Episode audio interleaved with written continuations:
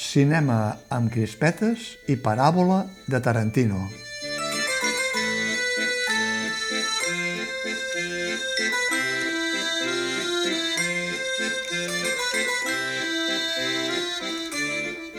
Allò que diuen de si una imatge val més que mil paraules es podria aplicar aquí, però amb un retoc.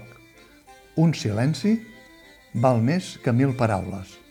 La dramaturga nord-americana Annie Baker, guanyadora del Premi Pulitzer del 2013 per aquesta obra, titulada originalment The Flick, la pel·lícula, és conscient que vol incidir sobre la importància del silenci, del temps pausat, del temps aturat.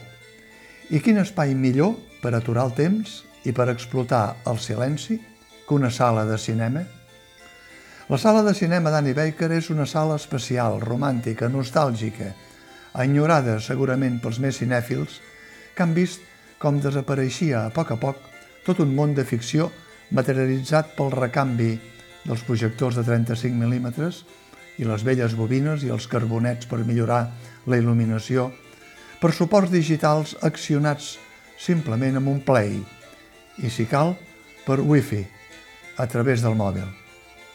El muntatge que ha dirigit respectuosament amb la decisió de l'autora, la també dramaturga Marília Samper, amb una excel·lent i rigorosa traducció de l'anglès al català de Neus Bonilla, compta amb un suggerent espai escènic d'una cinquantena de velles butaques de cinema vermelles encarades als espectadors. Al fons, una antiga estructura de sala envellida pel temps analògic.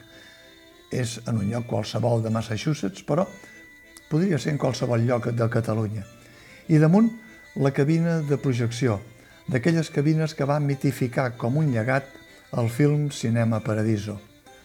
La gran pantalla són els espectadors. I quan comença la projecció, són ells els que reflecteixen les imatges dels fotogrames, ni que sigui a la cua dels títols de crèdit. Els tres protagonistes del cine, hi ha un quart personatge que fa d'extra, es miren en el mirall dels espectadors perquè el que ells tres senten, el que ells tres viuen, el que ells tres pateixen, podria ser també el que senten, el que viuen i el que pateixen molts dels que fan el paper d'espectadors. El cine d'Annie Baker és una obra singular i també arriscada. Tres hores, amb un intermedi inclòs, on el text podria quedar resumit en 30 minuts. Només això ja diu quina ha de ser la bona disposició dels espectadors.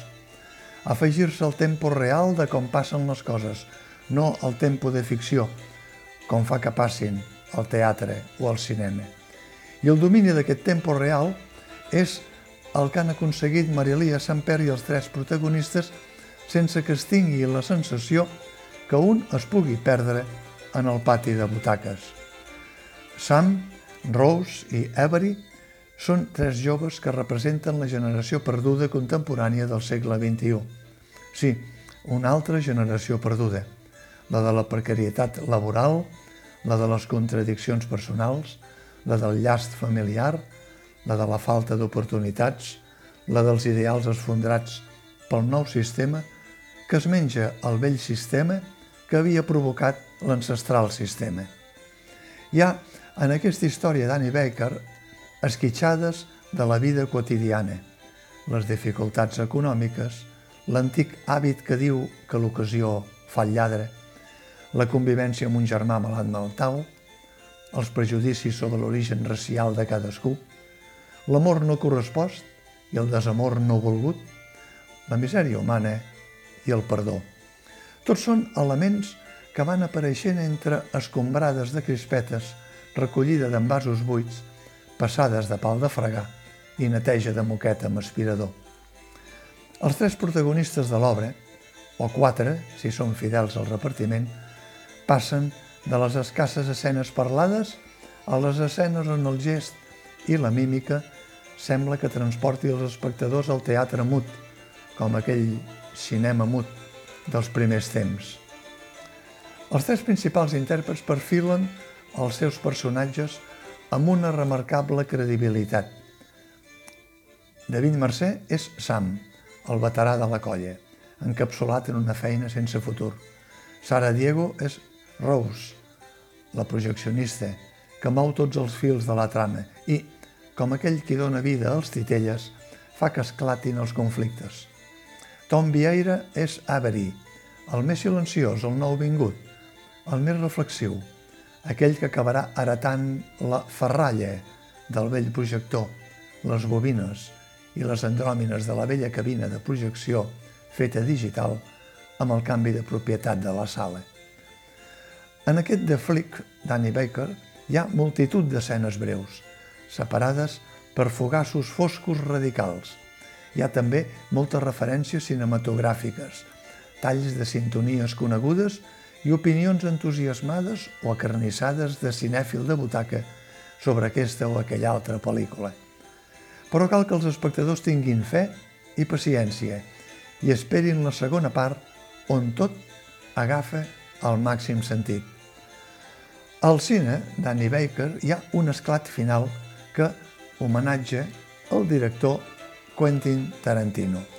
El té en exclusiva el personatge d'Every, el que interpreta Tom Vieira, qui, després dels seus silencis d'observador, esclata com un tap de suro, inflat pel temps, pel temps passat, rememorant una de les escenes de la pel·lícula Pulp Fiction, quan el personatge de Jules Winfield llança contra una de les seves víctimes un passatge de la profecia bíblica extreta d'Ezequiel 25-17. El camí de l'home recte, diu, està envoltat per les injustícies dels egoistes i la tirania dels homes dolents. Us asseguro que vindré a castigar amb gran venjança i furiosa còlera aquells que pretenguin enverinar i destruir els meus germans. I tu sabràs que el meu nom és Javé, quan caigui la meva venjança damunt teu. El cercle es tanca abans del DN final amb el regust nostàlgic del cinema amb crispetes i el dart en clau de paràbola de Quentin Tarantino.